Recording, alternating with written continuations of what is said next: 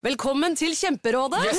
Denne gangen har vi fått inn et kjempedilemma fra en familie. Okay. Jeg leser Hei, vi er litt uenige i familien her. Mm. Hvis du skulle vært et dyr, ville du hatt gjeller eller vinger? Oi, den er tricky. Ja, Hva ville dere hatt, da? Altså, jeg vet ikke, men Med familierabatt får du ubegrenset data fra Telenor fra 399 kroner. Da kan du scrolle seg til svaret, rett og slett. Ja, ok, Men for min del Ja. gjeller. Nei, nei, Gjelder. nei, vinger. Nei, nei, gjeller. Ja, okay, ja, Kjempebra. Men eh, se nye mobilabonnement på telenor.no, da.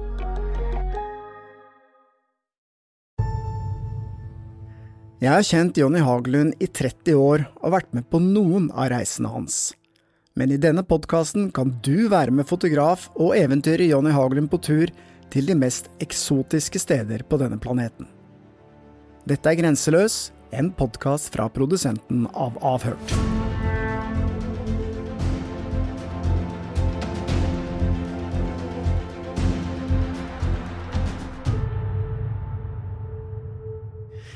I dag skal du eh, ta oss med til et sted som kanskje ikke er eh, så greit å reise til i dag, da, for dette ligger jo i eh, Russland, i og med at denne krigen og så videre. Men uansett, du har jo vært på Kolahalvøya. Det er jo ganske langt nord, er det ikke det? Jo, det ligger jo Vi kjørte inn fra Kirkenes og krysser grensen der, over til Nikkel.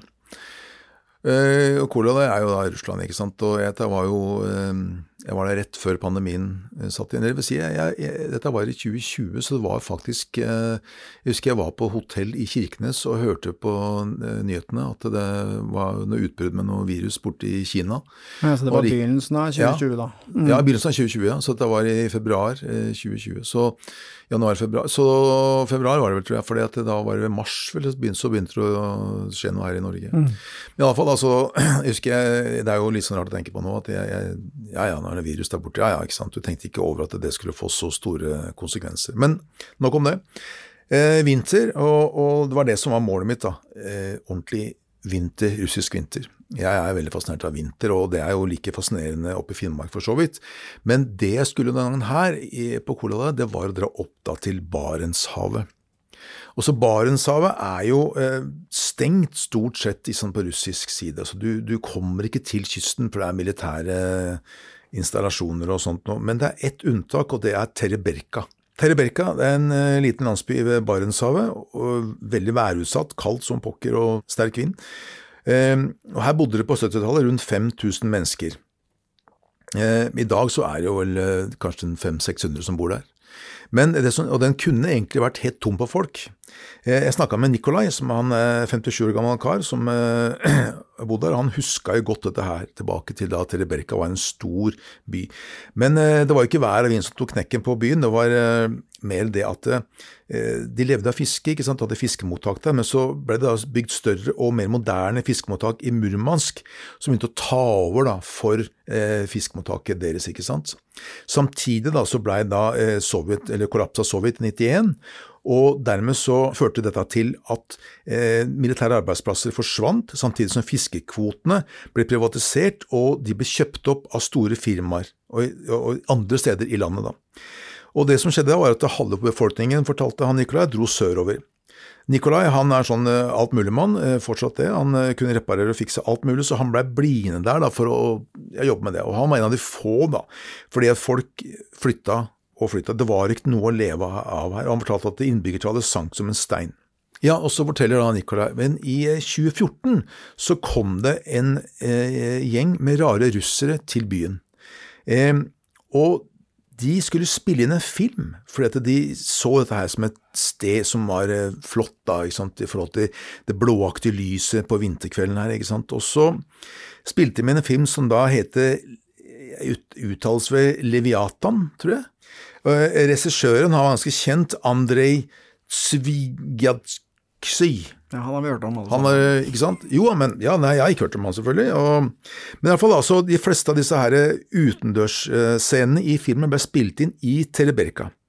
Men det morsomme er det at filmen ble en stor suksess. vet du. Den vant både Golden Globe for beste utenlandske film og fikk en Oscar-nominasjon i eh, samme kategori. Og det skapte oppmerksomhet for hvor ble disse utendørsscenene spilt inn. Og da ble liksom Terje Berka lagt merke til og kom på kartet igjen, og folk dro dit fordi de var nysgjerrig på hvor den ble spilt inn. Men det han trodde da, som han sier, han Nicolai, som han sa, at ja, da tenkte han så kom også sånne filmfolk da, ikke sant. Men det som skjedde var at eh, folk kom for å se hvor det var spilt inn, men så opplevde de en, en by hvor vinteren fortsatt er vinter. For det har blitt et, et nytt, kan si, turistfenomen da. Også vinterturisme, for at det, i hvert fall nå sånn som det er så mye snakk om global oppvarming, ikke sant, og om vinteren blir borte og det blir varmere og alt det der sånn, men her er det fortsatt ordentlig gammeldags vinter. Så spesielt kinesere drar hit oppover her sånn for å se og oppleve vinteren. Og han sa det at det, han, det kommer folk hit fra Kina, fra India, fra mange land, og han sa også det at det, mange av turistene de kommer da i joggesko og høstjakke, og så er det 26 kuldegrader og sterk vind. Ok, så dette har blitt en populær turistdestinasjon da, på ja. grunn av den filmen, og fordi, ja, som du sier, altså ordentlig vinter det begynner å bli mangelvare mange steder, så de drar dit da for å oppleve det.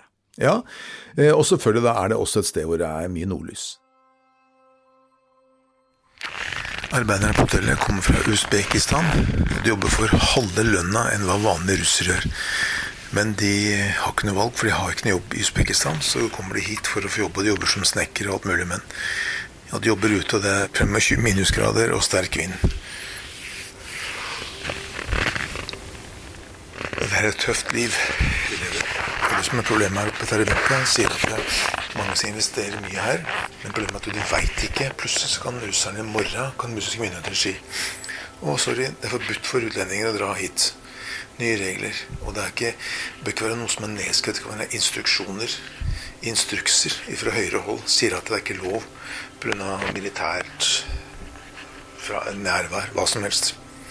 Så, så det er en usikker investering Og det hotell. Men nå har de bygd masse i løpet de siste tre årene fordi kin- kineserne kommer og skal se på nordlyset. Det, nå plutselig så har så, da, eh, landsbyen begynt å blomstre igjen pga. vinterturister. Da. Og det har ført til at eh, da folk fra Moskva og Murmansk har kommet hit, for de ser jo da ikke sant, forretningsfolk som da har sansen for penger og ønsker å tjene penger, de har jo sett det da, at her er det et potensial. Nå skal det sies at det, åssen det er her nå, det er vanskelig å si.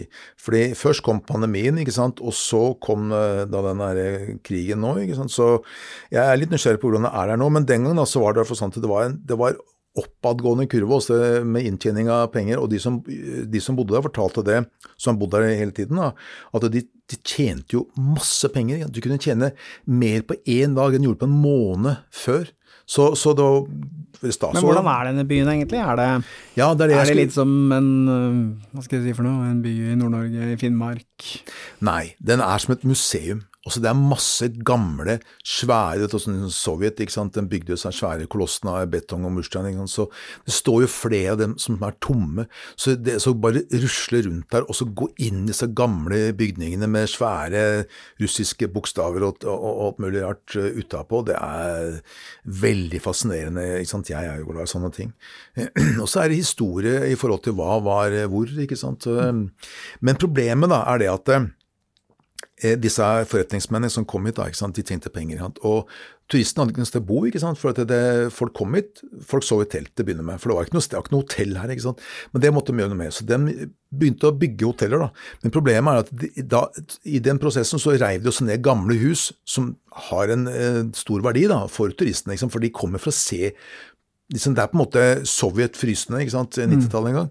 Men eh, de reiv ned en del, altså de ødela da selvfølgelig mye av sjarmen til Tereberka, og så på en måte så ødelegger de da, ødela de også for seg sjøl, da. ikke sant. Ja, ikke sant. Det er, og det er jo, det har jeg sett flere andre steder også. Men um, uansett så er det da sånn at uh, det er liksom vinteren da, som er tiltrekningskraften da, på dette området her sånn.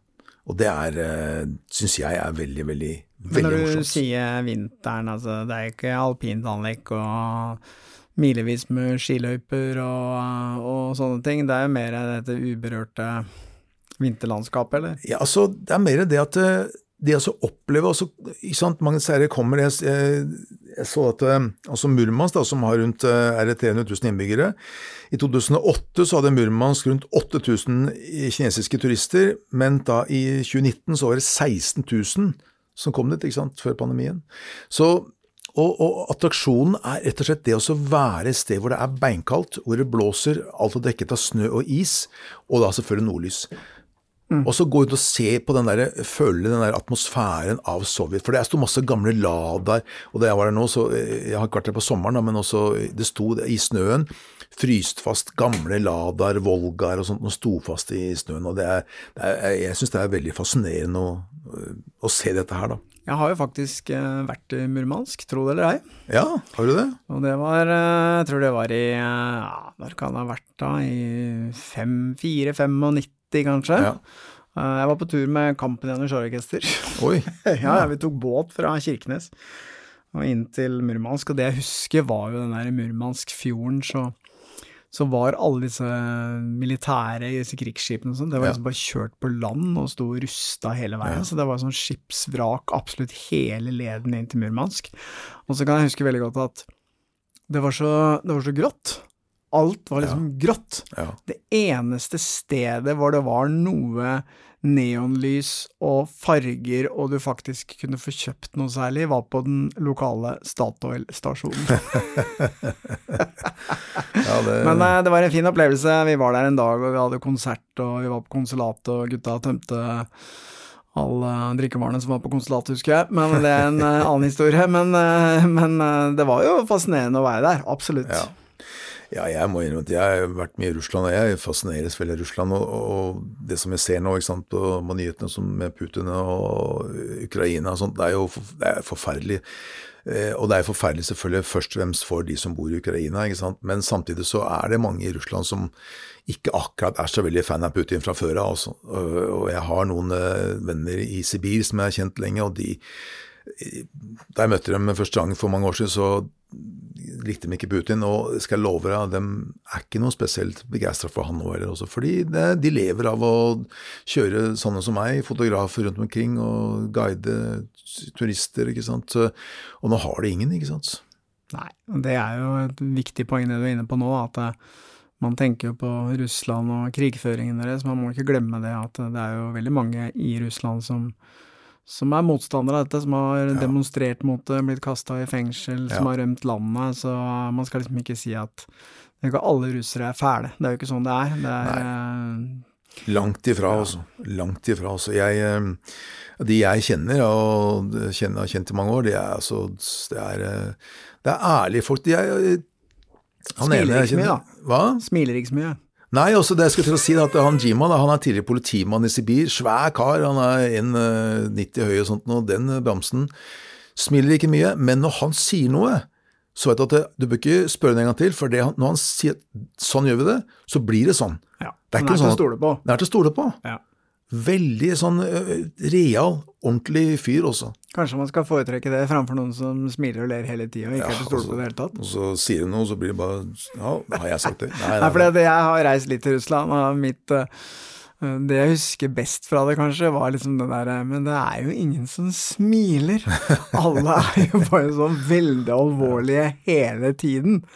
Eh, jeg husker det var sånn rart for meg, da. For hvis du reiser til USA f.eks., så er jo alle smiler og 'how are you' og ja. veldig på den hele tiden. Men de er liksom stikk, stikk motsatt. motsatt. altså. Det er rart. Det der. De er litt mer, litt mer tilbakeholdne sånn, Også, men, eh, men ja, du må bare lære deg å det er jo, Folk er forskjellige, ikke sant. Forskjellige kulturer, forskjellige land. og Det er bare det å prøve å forstå det. Også, alle er ikke som oss, ikke sant. Så men eh, som sagt, av disse gutta jeg kjenner borti der, det med, og også et par damer faktisk som jeg kjenner Men det er ikke til å komme fra at vi må jo Jeg kan jo nevne vodka da, når vi først er inne på Russland. Og, og, ja, det har jeg vært borti òg. Ja. Mm. Eh, ja, det er jo han derre Jima som jeg kjenner, da, som jeg har hatt med meg på tur noen ganger, og tidligere politimann ja, det, jeg husker en morgen så satt vi og spiste, spiste frokost, og så jeg lukta vodka Vi drakk vann, da. Men han drakk ikke vann, vet du. Det var, ikke, det var rein vodka. Kjøkkenglass og rett ned. Men han var like, han gikk, kjørte, han kjørte nesten, kjørte nesten bedre bil etter å ha fått i seg det vodkaglasset enn han gjorde eh, før. Så ja. Er Merkelig kultur det der. Sånn. Jeg husker jeg var på en restaurant i Moskva i forbindelse med vi gjorde TV-opptak, og så var vi ute, han guiden vår da, hadde invitert masse venner og så videre, og det er klart at den mengden av Det var jo ikke noe særlig mat. Det var jo bare noen sånne grønnsaker og greier som de dytta i seg ved siden av, men eh, at det går av, og på et eller annet tidspunkt så sa jeg at eh, vet du det, nei takk. Ikke sant? Jeg visste at det kom til å gå skikkelig gærent, og da husker jeg de kikka på meg, og så, så sa de å ja, å ja, selvfølgelig, du har uh, problemer med leveren. ja det Altså- kan Du drikker for mye. Ja, ikke sant. At jeg var mange alkoholiker og hadde drukket så mye at jeg kunne ikke drikke så mye lenger, for det hadde ødelagt leveren min, så jeg tenkte det tryggeste var bare å nikke og si ja, ja, det er helt riktig. Ja. For da var det greit, nemlig. Da slapp jeg unna. Ja, men det er det, og det er, ja, det er en helt annen kultur det også. Jeg må jo fortelle da, først jeg er inne på dette her med vodka, at jeg var borti i, um, i Vladivostok og oppe inn i villmarken der og møtte en eh, kunstner som er kalt for alkoholkunstneren, Viktor. Og han var jo da, eh, fortalte meg det, vi kom eh, på kvelden, og da fortalte han at han, han var en kjent kunstner, men han, drakk, nei, han, han kunne ikke male hvis han ikke var full. Ja, ikke sant? Så tenkte jeg ikke mer på det, og så fikk jeg lov til å sove i senga hans, og så rulla jeg soveposen, ikke siden han, har for så vidt, bare så det er påpekt, han sov i stua, og så sov jeg i senga hans. Han rulla jeg soveposen, og det var jo ikke akkurat rent der inne, og det er noe, en, en annen ting. Men så våkner jeg klokka tre på natta, ikke sant, så jeg lyder på stua, jeg er jo nysgjerrig, så jeg gikk på stua, der sitter Victor og drikker øl. Og så sier han så jeg, Han kan kun engelsk, og så sier han at Nei, du skjønner at eh, han maler best når han er, full, og han liker å male om morgenen, så for rekka var det fullt klokka åtte, så måtte han begynne å drikke klokka tre. Så han var i gang med så han, skulle, han planla dagen sin da, ut fra dette her. Så han satt og drakk langpils, og så dro han fram vodkaen og spiste noen sånne tomater i dill eller hva det var for noe, og så drakk han vodka og holdt på med dette her et par timer, og så sov han litt, for han skulle få dette til å fordøye seg, og så da var det maling, da. Da var han klar. Da var han klar. Men eh, det fascinerte meg veldig også at det starte dagen med deg. Så da klokka på ringene, for rekka ble fullt til morgenen. Nei, jeg kan trygt si at det hadde ikke funka for meg, altså. Men, men ok, med denne turen her sånn, var det den byen som var målet for turen din? Ja da, det var flere, flere turer, men det var det som var som hovedmålet, den eh, lille byen her. Sånn. For det, eh, også hele området syns jeg oppe i, på Kola er fascinerende. Dette var jo i, eh, som sagt, da 2020, i, eh, og det var da eh, Nikkelverket, og er fortsatt i drift. Nå er det lagt ned, ikke sant, i byen Nikkel. Så det også var jo et sted hvor jeg tok en del ålreite bilder, for det ryker jo fra disse skorsteinene her, ikke sant. Så, men også dro jeg inn til uh, Listvianca Nei, ikke Listvianca, hva heter denne byen? Uh, Lovosero. Jeg blander Listvianca, ligger ved uh, Baikalsjøen, men uh, Lovosero ligger da inne på Cola. Og der var det ganske kaldt der jeg var der. Vi hadde jo 38 minus på det kaldeste på den turen her. Uh, da er det greit å ha på seg lange underbukser. Men altså, hele den atmosfæren på vinteren i Russland er fascinerende, og lyset selvfølgelig også, da, som fotograf. Eh, Litt som vi snakket om i stad, så eh, er jo ikke det enkelt å, å ta den turen nå, men eh, på et eller annet tidspunkt så får vi jo håpe at, ja, at det blir mulig å reise til Russland igjen. igjen. det gjør det selvfølgelig. Jeg hadde jo, jeg fikk et tak i en fyr eh, som heter Frank, han er opprinnelig fra Nederland, snakker veldig godt engelsk, og selvfølgelig også russisk, men han er, han gifta seg med en russisk dame og bor i, jeg tror det er Monsjegorsk han bor i, faktisk, her i, på Kola, eh, og han eh, hjalp meg da, med alt sammen med å organisere den turen her, og så hadde han en sånn svær eh, en Land Rover Defender, faktisk, som han hadde med høye hjul. Så følte eh, veiene er ikke som i Norge, i hvert fall ikke på vinteren. Det blir ikke brøyta så hyppig som i Norge, ikke sant? så vi sto jo fast noen, eh, noen ganger også. Men eh, han organiserte alt og fiksa alt. Og, så hvis folk ønsker å dra til Kola etter hvert, når det Russland åpner igjen, og det er mulig, så er det bare å ta kontakt med meg, så skal, sette, skal jeg sette dere i kontakt med Frank. Ja, for det er ikke så komplisert. Du Nei. reiser til Kirkenes og Ja. setter deg i bilen og kjører inn, egentlig. Ja, jeg tok en, jeg tok en buss jeg faktisk fra Kirkenes til eh, Murmansk. Ja, du tok bussen, da. Ja, en sånn buss Ja. som går hver dag. Veldig greit. Så sånn sett så er det ganske lett tilgjengelig, da. Ja da, det er lett det, er ikke tilgjengelig. så, det er ikke så farlig heller, eh, under er normale omstendigheter. Nei, ikke farlig i det hele tatt. Så her er vi nede på én på den skalaen din. Nei, Da. er på skalaen fra 1 til 5, så er dette da altså en ener. En ener. Ja. Men fascinerende likevel.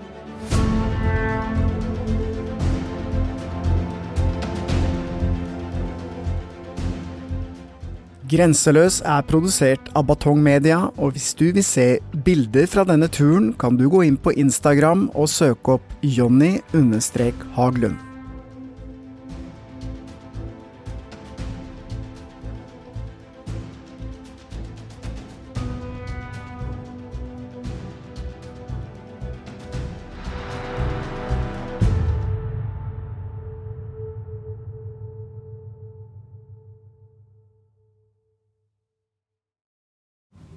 Noe av det som er så fint med podkast, det er jo at du kan høre på samtidig som du gjør noe annet. da Rydder i kjelleren eller boden, f.eks. Og alt du trenger av flytteesker og oppbevaring, det finner du på Det er en deilig følelse når noen tenker på deg. Men det er ganske deilig når noen tenker for deg også. Når du velger Kolonihagen, kan du være trygg på at noen har tenkt for deg. Dyrevelferd og ansvar er hensyntatt, og du kan bare nyte den gode smaken. Derfor har vi i Rema 1000 et stort utvalg av økologiske kvalitetsprodukter fra Kolonihagen til en lav pris. Rema 1000.